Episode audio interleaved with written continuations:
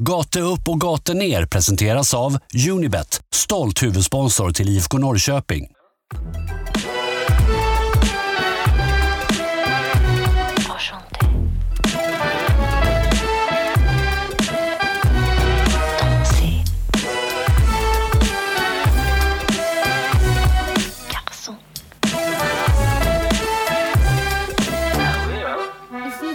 Hej och välkomna till ytterligare ett avsnitt av Gate upp, gate ner podcast nummer 99 i ordningen. Mitt namn är som vanligt Vincent Messenger och med mig har jag Pontus Hammarkvist. Hur är läget Pontus? Läget är väl ur, eh, förutom att jag är trött, ett eh, fotbollsperspektiv jävligt fint i alla fall idag. Eh, Man njuter ändå lite grann över 1-1 fast det var mer smak på mer. Så att, jo, men läget är väl ganska bra. Hur, hur är det själv? Jo, men det är synd att klaga tycker jag. Ehm, tycker att det känns... rätt. Jag tycker att det känns eh, sjukt att konstatera att vi har gjort 99 avsnitt i och med efter idag. Fan otroligt ändå. Snart vårt hundrade avsnitt. Vi går till tresiffrigt ändå. Ja, och att eh, avsnitt 100 lurar Ja. eh, runt hörnet ska ju Ja. spelas in på fredag Just det. med en eh, väldigt speciell gäst får man ju säga. Mm. Som jag tänker att vi kanske avslöjar i slutet av programmet. Ja, men det tycker jag. Så håll ut så kommer det. Mm. Så Lyssna får ni, färdigt får ni den nuggeten sen. Men vi är jävligt taggade. På fredag ska vi alltså spela in med en mycket speciell gäst i ära av vårt hundrade avsnitt. Och ett, en tävling som kommer ut som vi kan avslöja i slutet av avsnittet också. Då. Mm, absolut, det tycker jag att vi ska göra. Ehm, utöver det tänker jag väl idag att vi ska snacka lite kring spontana tankar kring det här 1-1 resultatet för IFK borta mot Malmö. Eh, Jag tänker att vi eh, går igenom matchen lite snabbt för att vi med tanke på att fredag blir ju intervju eh, Ja. avsnitt 100 så drar vi av både Malmö-matchen men kanske framförallt fokuserar vi på Örebro-matchen som kommer då nu till helgen redan nu så här tidigt i veckan. Eh, Men jag tänker att vi går igenom Malmö-matchen lite snabbt, vad som händer eh, och Ge lite tre stjärnor. Sen flyttar vi vidare då till Örebro, kollar läget, hur det ser ut där uppe i gnällbältet och eh, tittar på hur saker står till i IFK-truppen inför den matchen. Eh, sen tänker jag att vi eh, lämnar ut lite tips inför matchen och sen så kommer the big reveal helt enkelt Ja, med exakt. gäst och tävling och lite sånt där gött. Mm. Lite rolig nuggets att vänta på. Mm. Nej, men så det tycker jag, det är det som ni har att vänta er eh, i den 99 upplagan av Gata upp, gata ner podcast. Jajamän. Innan vi flyttar in på Malmö-matchen så ska vi dock eh, pusha för Unicoach. Ja, Eh, precis som i vanlig ordning. Ja, och unicoach.se. Eh, Unicoach är ju svensk elitfotboll och Unibets långsiktiga och gemensamma satsning för att utveckla framtidens svenska elitfotboll. Och eh, på unicoach.se finns det mycket intressant innehåll eh, gällande just eh, såväl individuell som kollektiv fotbollsutveckling.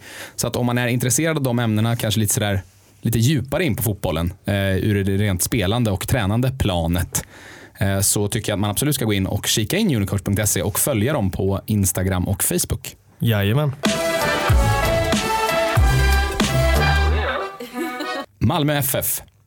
Eh, spontana tankar kring eh, 1-1 på Eleda-stadion. Nej, men en liksom första halvlek, första 20 minuter som känns som att vi hade kunnat fått mer smak och kunnat gjort någonting extremt mycket bättre av den här matchen än vad kanske det drabbades ut att bli. Nu är man ändå 1-1 borta mot kanske det tuffaste motståndet i allsvenskan som bortamatch. Eh, då känns det ändå såklart skönt att knipa den poängen. Men jag menar första halvlek där vi har missad straff, vi skapar mycket, en Levi som ser spelsugen ut och vi har till och med ett stolpskott där tidigt med Cassini som fint också leda fram honom. Eh, jag tycker det ser ut som en trupp som ändå har gått samman och vill någonting mycket mer. Eh, Norling som vågar trycka på de offensiva spelarna lite mer, vilket vi kanske är mindre vana med att se Norling spela fotboll som. Eh, så tycker jag ändå att vi, vi försöker, och han är tydlig med det inför matchen också, att vi kan inte bara gå ut och räkna med att spela 0-0 mot Malmö. Och det tycker jag ändå att vi ger ett ärligt försök och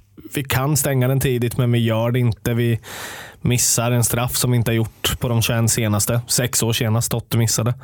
Också så här jobbig statistik att bli av med. Men eh, övrigt nöjd och det känns som att vi har ett lag som ändå är det tillsammans och gör det här ihop i, som ett lag. Ja, jag tänker vi kan ju börja där någonstans. Eh, första halvlek där Peking ju är det laget som skapar mest. Som ser ut att vara det laget som är närmast ett mål. Inte minst då för att man får en straff. Som är lite billig va? Ja, den är billig. Absolut. absolut det är den. den känns väldigt sådär. Men jag, ju mer jag kollade på situationen så tycker jag ändå att Södervik, som vi har pratat om tidigare med IFK-spelare, att man sätter sig i dumma situationer där man liksom inte ska behöva vara. Att man bjuder bort sådana lägen. Eh, för att man vet att även om det är 50-50 eller om det är 40 procent att det kanske ska vara straff, men man vet att domaren kan blåsa i ett sådant läge. Och Marko Lund förstärker väl och det tycker jag ändå att han gör det helt rätt i. Eh, sen har ju turen åt Malmös sida är ju att man bränner här också. Men ja, den är billig. Ja, nej men och, och liksom, eh, vad ska man säga? Eh, jag, jag är lite tudelad där, för jag känner väl att sådär, är man ute och slänger med armarna sådär, då riskerar man alltid att ge bort en straff och då får man skylla sig själv lite grann. Samtidigt så blir, kommer ju alltid den här frågan upp när man väl blåser på en hörna till exempel, eller en fast situation, att de där situationerna uppstår hela tiden. Och då, känns, och då blir det så här, ska du ta dem varje gång, då kommer vi aldrig kunna spela fotboll. Alltså lite så. Man, jag tror man måste bestämma sig lite från domarkåren om man ska vara hårda på det där eller om man ska liksom låta det vara som det är. Eh, för att Annars kommer naturligt reaktionerna när man väl blåser. För en tröjdragning i box, det ska ju vara straff. Men just på hörnorna så har ju det varit lite av en fredad zon. Och om, man, om det då har varit det fram till en viss match när man helt plötsligt känner att Nej, men nu ska jag ge straffen. Då är det klart att det väcks lite frågetecken kring vad som är liksom Det är ju svårt att få den här, alltså när vi fortfarande har de här, vi har människor som dömer och då blir det en mänsklig liksom, och en personlig uppfattning där, vi, där man bedömer saker och ting. och han står i ganska bra linje, vilket känns så. Eh, Men det blir ju också lättare att se det ur olika perspektiv och just där och då så tycker han väl att det är det. Men jag köper det på hörnorna och det är en larvig grej att ta. Eh, Däremot så är den säkert rätt att ta för att det har inte liksom snackat så mycket om det domarkårsmässigt mer än det som vi kommer in på i slutet av matchen. Eh, Men jag, jag, jag håller med dig om att jag tycker att den är larvig, men du sätter dig i en jävligt dum situation som du inte ska behöva sätta dig i Söderviks fall. Det, man kan alltså konstatera att så här, ja, eh, det är straff, men man kan förstå att det rör upp lite känslor då Ja, ja, de där absolut. situationerna uppstår ganska ofta och förblir ostraffade. Jag hade inte varit svinnöjd som MFF-supporter. Ehm, sen bränner Totte den och det är ju en väldigt svag slagen straff får man säga. Den är inte ute i hörnet och den är lös. Nej, nej, den är verkligen inte ute i hörnet och den är fruktansvärt lös. Jag vet inte, det är ovanligt att se. Totte ju självsäkerhet, men när det gäller straffar och ja, han kommer inte upp i nivån där. Jag, jag lider med honom. Fan. Nej, jag, gissar ju att han försöker skicka målvakten åt fel håll. Alltså det är enda förklaringen. Eh, Jag tror inte att han slår den där och tänker att den går in om målvakt dyker åt rätt håll. Nej, nej. Men nej, det är, ju- det är en risk han tar. Och den. Diawara är ju med på noten åtminstone. Men nej, dålig slagen straff och vi har inte missat en straff på 21 senaste. Han senaste var ju 2015 som jag sa innan mot Elfsborg borta då det var Totta också. Så att, vi är inte vana och bortskämda med att missa straffar direkt. Det är väl ändå skönt får man Ja. väl anta. Ja, verkligen skönt. Så det var lite av en chock när han brände den faktiskt. Ja, nej men och sen eh, så går vi in i halvtidspaus med 0-0. Men med känslan att IFK Norrköping ändå är laget som har varit närmast att kunna ta ledningen. Bland annat också efter den här delikatessen till framspelning av Cassini till Jonathan Levi som sätter bollen i stolpen. Satan vad sexig den bollen var. Ja, den var riktigt fin. Perfekt också. Det, Ja. Du får den ju inte bättre där heller. Levi måste kunna... I, ska inte hänga någon för det, men han måste nästan få den där i, mål. Ja, det hade, den passningen var värd det i alla fall. Så säga. verkligen. verkligen. Eh, nej men, och ett Peking som kändes som laget som någonstans eh, nej men, de, de gjorde en väldigt bra, fullt godkänd första halvlek borta mot Malmö. Och Det är en straffmiss ifrån helt enkelt att man har ledningen i paus. Eh, och det, den hade man nog förtjänat om man säger så. Mm, absolut. Men eh, sen går man ut i andra halvlek och ganska tidigt i andra halvlek så är Agardius som var tillbaka i laget eh, åker på en hjärnskakning va? Ja, det stämmer. Han får ett slag mot, eller en smäll mot tinningen, vilket gör att han eh, måste bryta. Dels av säkerhetsskäl och sen att man, det konstateras att det var en hjärnskakning. Eh, och då beräknar man ju att han är borta åtminstone till helgen i alla fall, vilket är surt också. Eh, när han precis har kommit tillbaka. och det är ju ganska sådär typiskt för IFK Norrköping i år att åka på hjärnskakningar. Eh, jag tror det var Gardi som gjorde det tidigare var också, men jag vet att Skulason och Rask har väl åkt på hjärnskakningar om jag inte missade någon på vägen där dessutom. Det har varit väldigt mycket hjärnskakningar på IFK Norrköping i år och det är inte roligt alltså med den här truppen som vi har. Nej, verkligen inte. Ehm, Men in för den stackars Agardius då kommer då eh, Aris Gulason som ju spelade dubbla matcher för Island under landslagsuppehållet och kommer in och är väldigt bra får man ju säga i andra halvlek. Han får Eh, göra typ 40 minuter ändå. Ja, men trots trötta ben och allting så känns det som att han kommer direkt in och, och visar att han är en väldigt, ett väldigt bra alternativ där ute Mm. eh, på, på vänstersidan. Ja, men de kommer in och dels har rutinen och den åldern han är i också. Han är jävligt smart och vet vad han pysslar med. Eh, sen gör det ju lite som Norling är inne på också, att man tappar lite fart och lite momentum när man måste göra ett sånt byte ganska tidigt. Och Skulason som kanske inte riktigt kommer in i det direkt, direkt, direkt, men han kommer in och är nyttig. Men det gör ju att vi tappar lite och låter Malmö få de här chanserna, vilket man eh, då också... För att det vet man, ger man Malmö för mycket chanser då kommer minst ett mål i alla fall och det gör det också ganska direkt efter det här bytet. Trots eh, Skulasons eh, väldigt bra skulle jag säga, andra halvlek så ger det Malmö som gör 1-0. Mm. Eh, genom. En läcker klack får man säga på ett inspel från Felix Beijmo. Eh, Mm. Oskar Jansson kravlar lite, men jag vill ändå inte hänga honom för den. Men Men du är, den, kändes man är in, nära. den kändes inte omöjlig. Det är bara det jag säger. Nej, han borde ju kunna vara på det. Jag tror verkligen inte att han är beredd på att det kommer en klack på en Adinalic som är felvänd. Däremot så ska du vara beredd på allt möjligt, men eh, jag tror verkligen inte att han är beredd på att den där, den där vassa klacken kommer så bra placerad också. Det ska sägas att eh, Oskar Jansson gör ett par väldigt fina Ja. räddningar i den här matchen. Eh, bland annat på Colak i första halvlek. Nej, han, Oskar Jansson är ändå bra den här matchen, men det, det, jag håller med dig om att han ska nog kunna vara på den där. Sen efter målet så skapas det ju inte, det händer ju inte så mycket i andra halvlek Pekingväg eh, framåt. Nej. Det skapas inte så mycket chanser och det känns snarare som att det är, eh, framförallt då kanske efter målet, att liksom tidvattnet vänder lite grann och att det är Malmö som är laget som känns närmast liksom, nästa mål och att det är de som går för att döda matchen. Och där, de skapar ju inte överdrivet mycket Malmö, men man får ju ändå säga att när Peking får den här frisparken i 94 minuten, 95 minuten så ska man ju vara nöjda i alla fall med att man inte har släppt 2-0 ännu. Absolut, absolut. Och Man ser ju till att med lite tur och flyt och kanske någon slags skicklighet någonstans att matchen ändå lever och det tycker jag är väldigt viktigt att göra. Li- Ligger man under med 1-0 så om man har svårt att pressa och fortsätta få till forceringar så tycker jag ändå att det är viktigt att man behåller den här 1-0-ledningen bara för att är det 2-0 så är det game over. Och Det tycker jag är skönt att IFK Norrköping ändå lyckas göra med lite hjälp av ribber och allt vad det är. Men vi, vi gör det någonstans och då har vi, sitter vi i det sättet att vi fortfarande har ett mål så har vi poäng. Och Det räddar väldigt mycket. Och eh, en för dagen tokhet, eh, Jonathan Levi, eh, levererar alltså in frisparken rätt in på pannan på Sami Adegbenro. Skräll att Adegbenro ska göra mål på nick igen. Och så har vi 1-1 och IFK Norrköping tar en poäng som Sett i den andra halvleken, ja kanske inte förtjänt, men sett över 90 minuter tycker jag absolut att man förtjänar att ha med sig en poäng från den här matchen. Rutinen också måste poängteras av Skulason innan där när han, eh, det är han som slår bollen på handen, vilken den inte är, jag vet det. Men det är han som slår den och han väljer att skrika och att han, vad jag kan liksom läsa ur hans, det han har sagt efter matchen är att det är klart jag måste skrika lite extra. Och att han är eventuellt medveten om att den inte tar på handen. Men han får den med sig och det tycker jag också är jävligt rutinerat gjort av honom. Som leder till den här jättebra frisparken och den här jättebra nicken. Ja, det, det är väl kanske det domslutet som man som Malmö-anhängare är mest irriterad över. Ja, det eh, förstår jag gissa. Det förstår Eh, jag. För att det är ju inte frispark. Nej, och domaren har ju gått ut och erkänt det också efter matchen.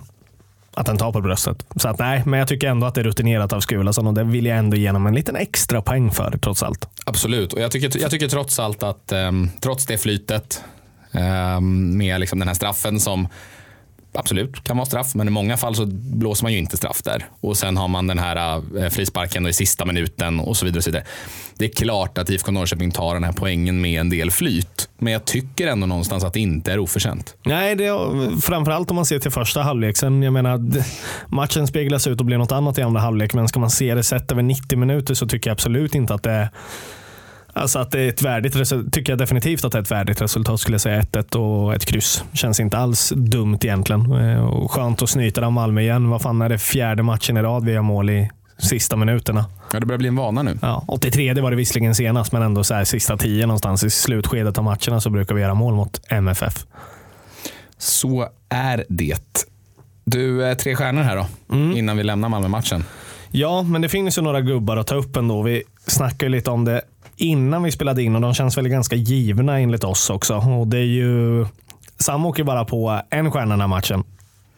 Ja, men han avgör. Han eh, får en stjärna. Eh, gör absolut, Vinner inget, mycket frisparkar och dylikt under matchen, men han gör det väldigt bra. Men gör han, absolut inget fel, men är ju inte heller Nej. delaktig i Pekings största chanser i matchen. Nej, men nej, han exakt. avgör ju och han visar ju klassen där. Liksom. Ja. Två poäng kommer till kanske lite av en poddfavorit, eller min favorit i alla fall, eh, Skulason. Också sådär, kommer in och gör skillnad. Och även om man har svårt och man släpper in mål direkt efter han kommer in så är det inte han som är liksom bidragande i det, utan det rubbas ju systemet. Och han kommer in i matchen och gör det jättebra, vinner den här frisparken och väldigt nyttig på sin kant. Och Det kommer han vara hela året, så vart han än spelar. En jävligt bra spelare och då, ja, han förtjänar två poäng efter den här matchen. Ja, men det kanske är lite, så här, det kanske är lite av ett hipsterval att ta Skulason, men jag tycker ändå någonstans att Men han... fan, han är ju Ja, älskvärd. men jag tycker alltså. att han är jävligt bra. Jag tycker Ja. att hans liksom, närvaro, rutin och allting eh, där ute på vänstervingen i en andra halvlek där det ändå känns som att Malmö är laget som har liksom, tagit tillbaka taktpinnen lite. Så Mm. hjälper han det här laget att liksom, baxa hem en poäng eh, i den här matchen där man, när man kanske har tappat initiativet lite och inte minst genom att då vinna den här frisparken till exempel som ju inte ska vara frispark genom Mm. sin rutin och genom sin liksom, vinnarskalle. Och visst, det kanske är petitesser men jag tycker ändå att här, det spelar roll Nej, för hur matchen slutar. Jag, jag, jag, jag tycker att hans rutin lyser igenom och han, han är en av de stora anledningarna till att IFK tar med sig en poäng från eh, i Ledarstadion. Han är lite av, eh, kanske en bättre till och med i stundtals när han är som bäst än Lars Krogh Gerson som alltid gör de här bra matcherna som vi har snackat om. Som aldrig liksom gör en dålig match utan han är alltid 6-7 av 10 varenda match. Sen kan Ja. han blomma ut och bli den här 9 av 10 men eh, han håller en bra fin jämn nivå. En bra lägstanivå. Verkligen. Eh, tre stjärnor går ju givetvis till eh, Jonathan Levi som är stekhet hela matchen och kommit i form verkligen i år. Alltså. Ja, han, Nu ska han ju inte petas längre. han var på spelhumör får Mm. man säga.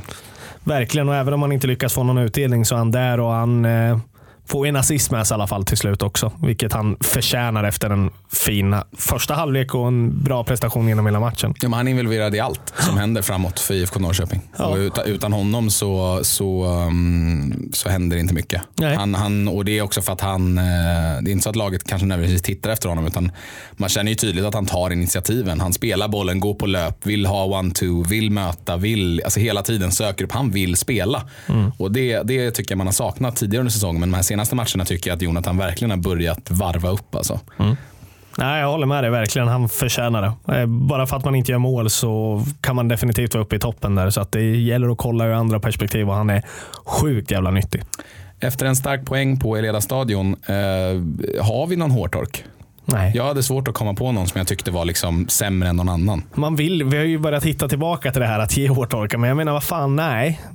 Alltså, nej, jag tycker verkligen inte det. En svag straff av Totte, men han gör det bra under matchen ändå. Han sliter ju i ordning, så att nej, ingen hårtork tycker jag inte. Lilla hårtorken till Totte. Sätt den nästa gång. Ja, det är väl för straffen då. Ja, ja. Ja, men straffmissen kan han väl få sig en liten hårtork för. Men vad fan, det händer liksom. Men ja, nej, i sett över matchen så äh, underpresterar ju inte Kristoffer Totte Nyman i alla fall. Nej, verkligen inte. Så ja, straffmissen kan jag ta det. Ehm, om vi ska förflytta oss från Malmö-matchen till det som komma skall så är det ju Örebro SK som väntar på Platinum Cars Arena. Den, perfek- den perfekta pinjatan nu. Ja, den perfekta pinjatan del två. Ja, exakt. Nej, men vad, vad, hur, hur är liksom känslan inför att möta Örebro hemma? Den ska ju vara ganska bra nu när man ändå liksom lyckas använda Östersund lite grann som en pinjata stundtals hemma senast. Och man kniper en poäng borta trots att man har sålt IBJ och truppen är tunnare än vad den har varit på många, många år egentligen sett över de senare åren när vi har varit topplag lite mer. Eh, eller högre upp i tabellerna i alla fall. Så tycker jag väl att Ja, Örebro är ju inte bra just nu. De är ju, fan de har inte lyckats få till det med Besara och Gille ändå hittills. När det väl kommer så kommer de nog kunna plocka de där extra pengarna, men hemma mot Norrköping ska man fan inte göra det. Liksom. Vi ska bara slå Örebro hemma.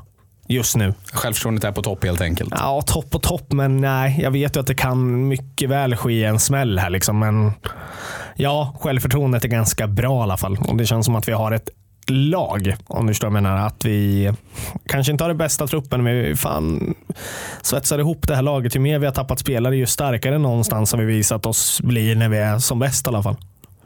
Ja, nej men, och det väl, finns väl en anledning till att självförtroendet ändå måste vara ganska högt när man går in inför en hemmamatch mot Örebro SK just nu. För att de parkerar näst sist på 13 poäng på 18 matcher. Och um, ja, Det ser ju inte bra ut. Alltså resultat, det, det förklarar väl allt att man då ligger i botten såklart. Men eh, nej, resultatkurvan har ju varit sådär och um, toppades ju av med något slags lågvattenmärke här senast eh, igår. när, verkligen. när man eh, då, vi spelar in det här på tisdag, men igår måndag, när man eh, möter Varbergs Boys hemma och eh, åker på 3-0. I Ja. Nej, men man är ju utspelad det känns det som. Nu har inte jag sett matchen sett över 90 minuter, men där man har sett på highlights och delar av den här matchen så känns det ju som att man är ordentligt jävla nedtryckt och framförallt efter det här röda kortet. Jag menar, det är ju bränner ju kanske lägenas läge. Liksom ett helt öppet mål och bränner den över till och med. Eh, lyckas ha 0-0 ändå, men sen kom ju 3-0 i rökat till slut i alla fall. Eh, nej, Örebro är inte vassa just nu. Alltså. Det har man, inte man, varit- man åker på ett dumt rött kort tidigt, eh, 24 minuten och sen, eh, jag menar Örebro har ju 64 procents bollinnehav i den här matchen. Men eh, det, det känns ju som att Varberg utnyttjar det här på det sättet som Varberg vill utnyttja det. Ja. Och Det är ju inte att hålla i bollen och liksom sätta ett tryck mot Örebros mål, utan det är snarare att låta ett Örebro med 10 man spela boll och sen bara vänta tills de gör bort sig. För de kommer inte komma någonstans 10 mot 11 om Varberg är samlat. Nej, nej, precis. Och så har Varberg bara kontrat sönder dem helt enkelt. Då vet man att det finns de här ytorna och lägena. Ja, nej men Ajay, Stanisic och till slut Johansson då slut, eh, eh, ställer fast slutresultatet 3-0 och eh, blev lite kravall ute hos kubanerna där såg jag i samband med sista målet och efter slutsignalen. Jag vet inte om du har sett det? Okej, nej.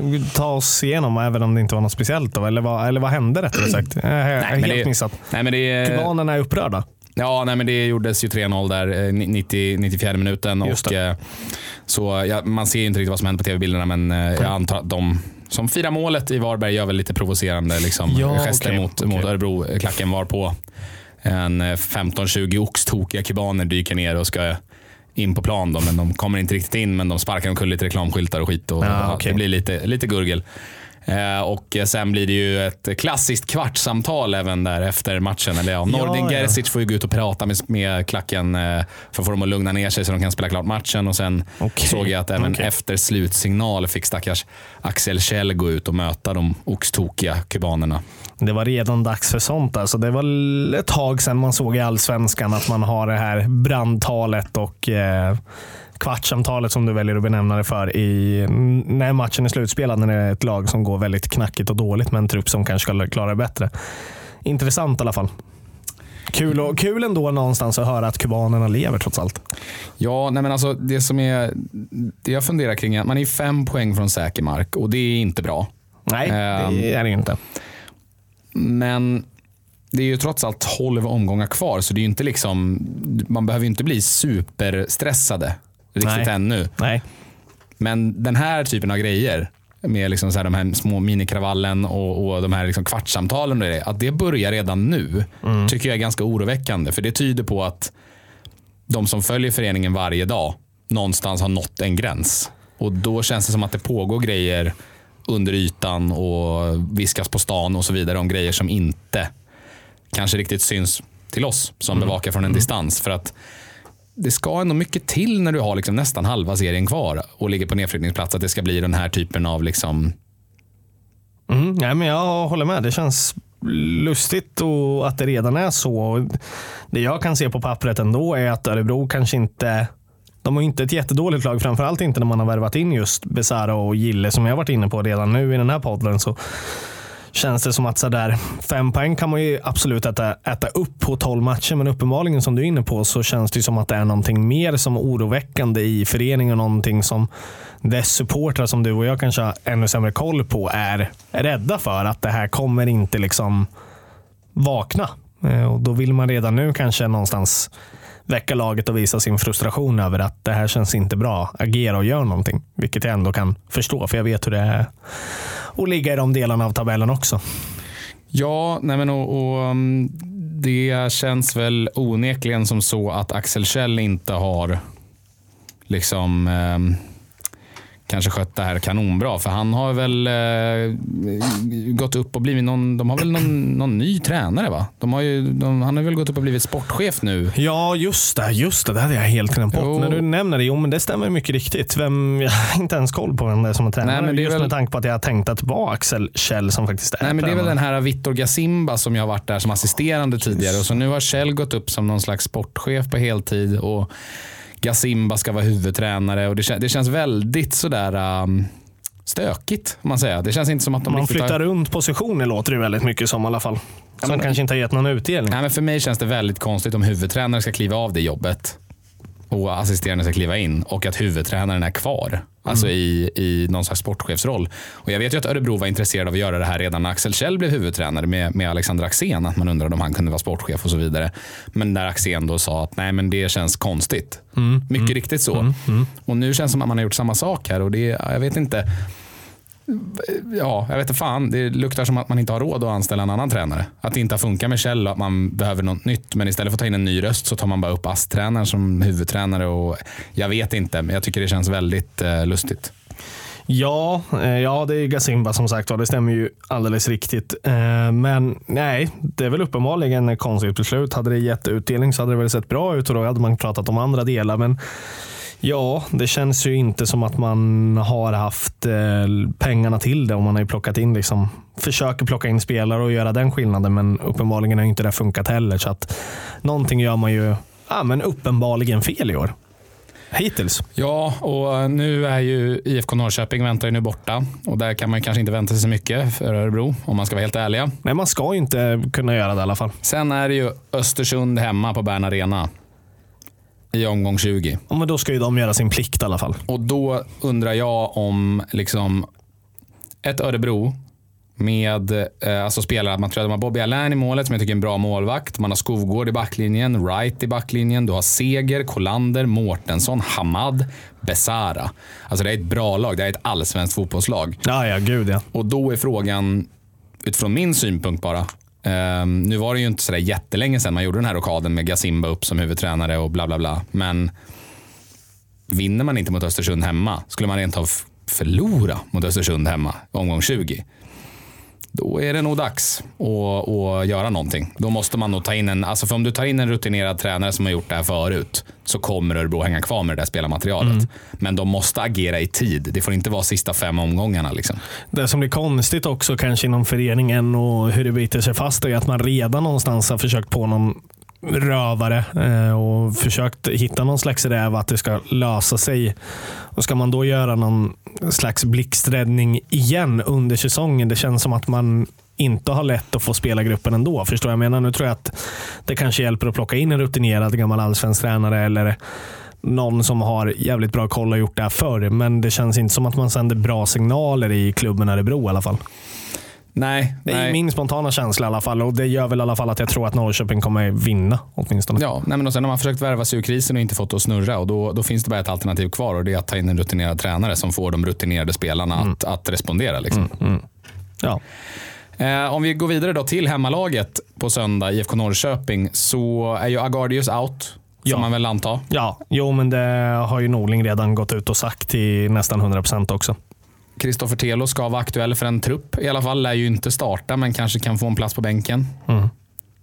Men eh, Skulason lär väl starta ute till vänster då, antar jag. Ja, det lär han väl göra och Cassini lär väl bli kvar då, antar jag. Gjorde det ju ändå och hade ju några riktigt fina passningar ändå. Vart ju ändå inte överkörda som vi sa på det centrala mittfältet ändå, som vi hade Nej. räknat med att det skulle bli. Nej, och, och, Inte den totala dominansen och nu saknades ju Anders Christiansen, tack och lov kanske, just i Malmö.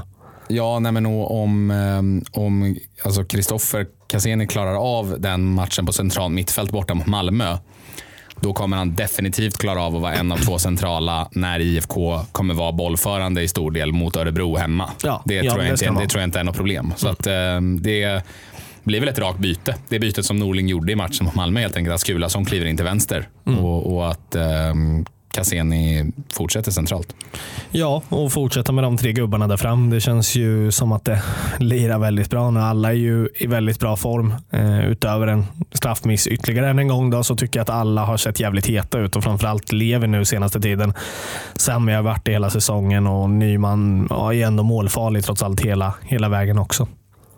Ja, eh, nej utöver det så, så har man väl eh, det gänget man vill ha helt enkelt. Det är väl att man skulle vilja egentligen peta bort Marco Lund och ha Agardius i, i Ja. det centrala försvaret. Men annars så med det laget som finns eh, på pappret så är det väl eh, bästa möjliga tillgängliga. Mm, absolut, absolut. Jo, men det tycker jag. Det känns som att vi har ett lag som ska kunna Någonstans kan vi forcera mot Malmö, någonstans även om vi inte får till det 100 så tycker jag ändå att Örebro i kris, hemmaplan, på vårat konstgräs ska vi nog, vi ska fan kunna köra över dem. Så är det bara. Ja, alltså det, det känns ju som att eh, något, någonting liknande till Östersundsmatchen borde kunna utspela sig på, på parken på söndag. Mm. Ja, men det tycker jag. Sen eh, om man bara tittar lite mm, förbi Örebro-matchen så har man ju faktiskt tre matcher här nu. Vi sa ju det, Malmö-matchen är jobbig, men sen efter Malmö-matchen, om man klarar av den, så har man ju ändå ett ganska fint schema här. Där man har Örebro hemma, Sirius borta, Varberg hemma. Och, och Det borde kunna rendera i nio poäng och då är man inte så långt borta från att kunna hota topp tre. Nej, nej, så är det.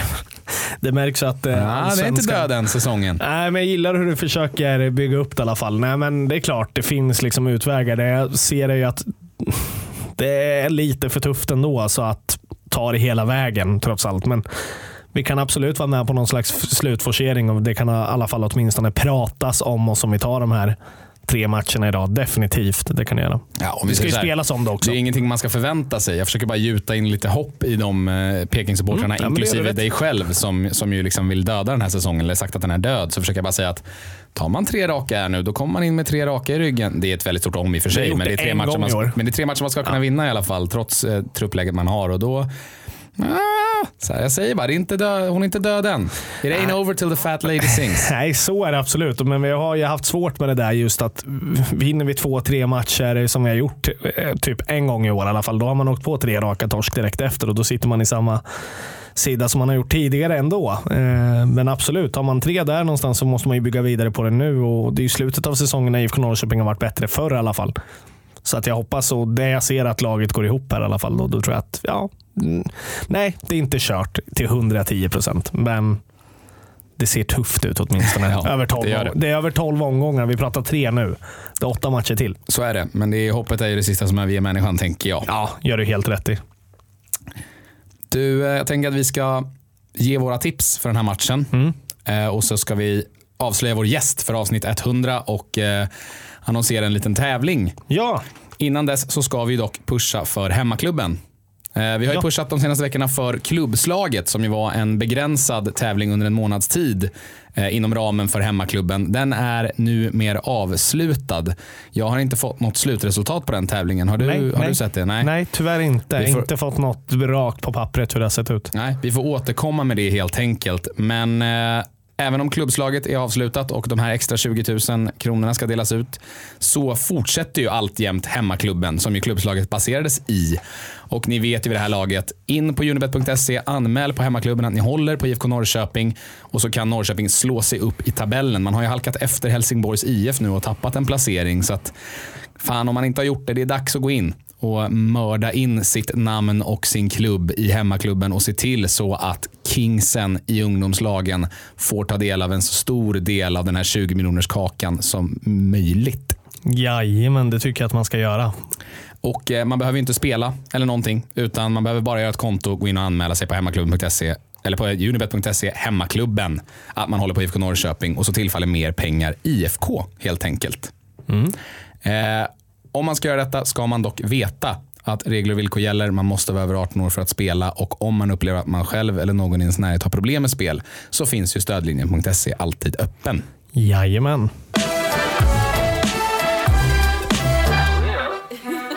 Då vill jag utkräva ett tips från dig Pontus Hammarkvist kring matchen som ska spelas på söndag mellan IFK Norrköping och Örebro. Mm. Nej, men jag tror ändå att det blir och jag är tror ändå att vi kommer göra det bra nu efter Malmö-matchen och vi har gått ihop här. så att det, det blir en 3-0 precis som det blev mot eh, Östersund hemma senast. Vi fortsätter på en fin hemmatrend och det, vi ska vara starka hemma även om vi har haft det lite svårare kanske i år och även lite grann förra året också kontra tidigare år så är vi starka på hemmaplan nu.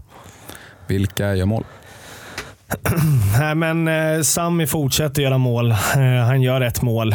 Nyman, ja, jag tror fan en av varje gubbe där framme gör mål. Det blir Nyman och Levi också. Så Sami, Nyman och Levi Ja. gör ett varsitt till Ja, men det 3-0. känns viktigt. Mm. Jag, tror, jag tror ändå det. Mm. Dags Nej, för alla att göra mål. Jag, ehm, jag tror på... Jag tänkte säga 3-0, men nu sa du 3-0. Så jag tänker att jag ska, Då måste du ändra dig, tänker du. jag ska spice upp det lite. Så att, eh, jag säger 2-0 istället. Jag tror att Örebro kanske är en lite tuffare nöt att knäcka än eh, vad det kanske har sett ut på sistone. Mm. Jo, men så är Eh, det. Men jag tror att det är Jonathan Levi som gör två kassar Ja. mot Örebro. Jag Snyggt. tycker att han känns jävligt Han stänger het. den här matchen Ja, för sig själv helt enkelt. det känns så. Man Han, saknar ju eh, också sin mittback borta, vilket kommer kunna vara starkt också. Nej, men visar han upp den, eh, det spelsuget han har haft på sistone och just det här att han gärna spelar på, ehm, på Totte eller på Sami och själv fortsätter in i box. Och Det har han inte gjort riktigt eh, tidigare under säsongen tycker Nej. jag. Då har han hållit till ute på sin kant. Men nu känns det som att han tar initiativ och liksom spelar in bollen och visar här vill jag ha den och verkligen försöker att komma till lägen själv. Så att, eh, jag tror att eh, Jonathan får utdelning nu och gör två kassar. Ja, det hade varit jävligt kul och behövligt för honom nu när han är inne i det och fortsätta känna att han har nätkänning. Får han göra två också så tror jag verkligen att han kommer ha självförtroende här ganska lång tid framöver.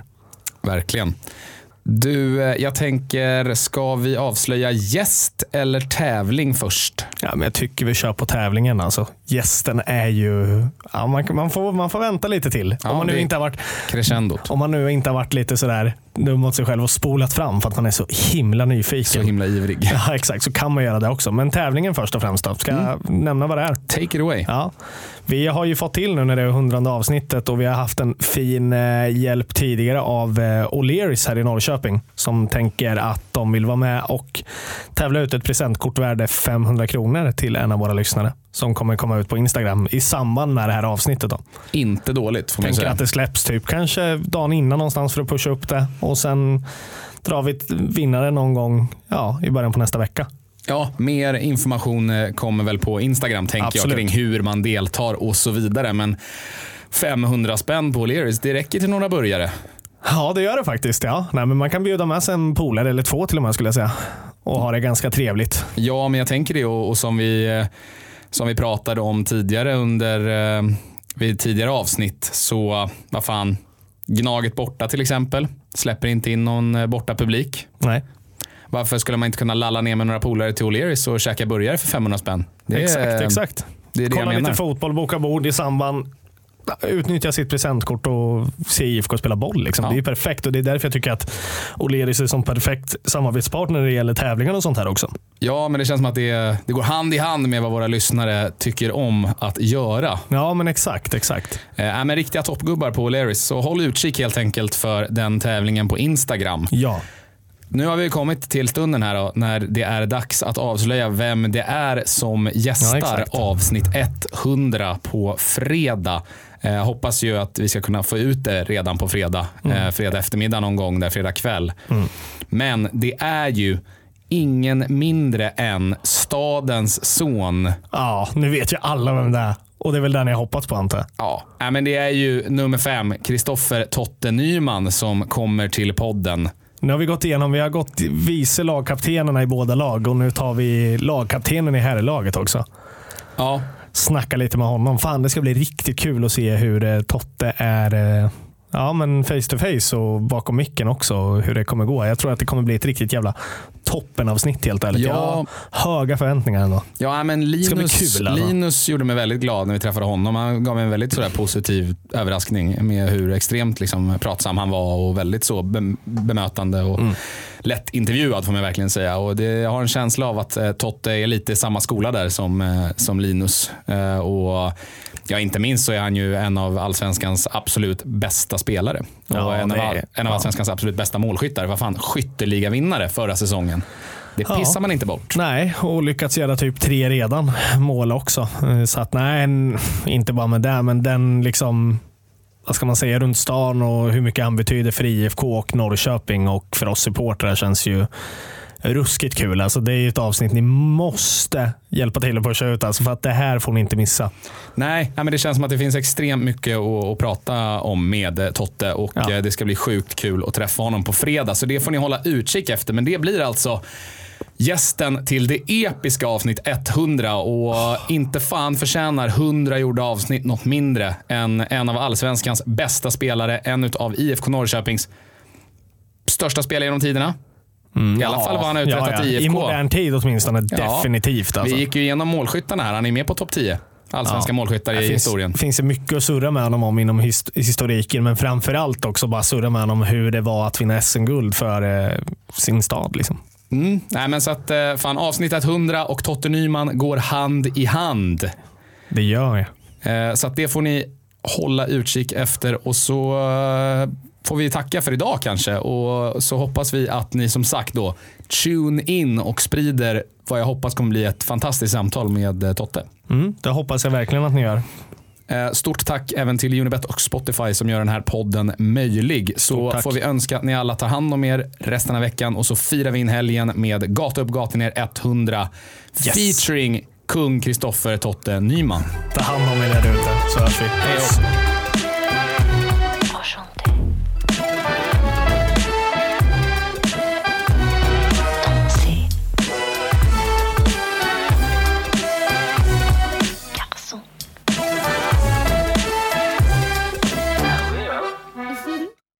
Den här podcasten presenterades av Unibet,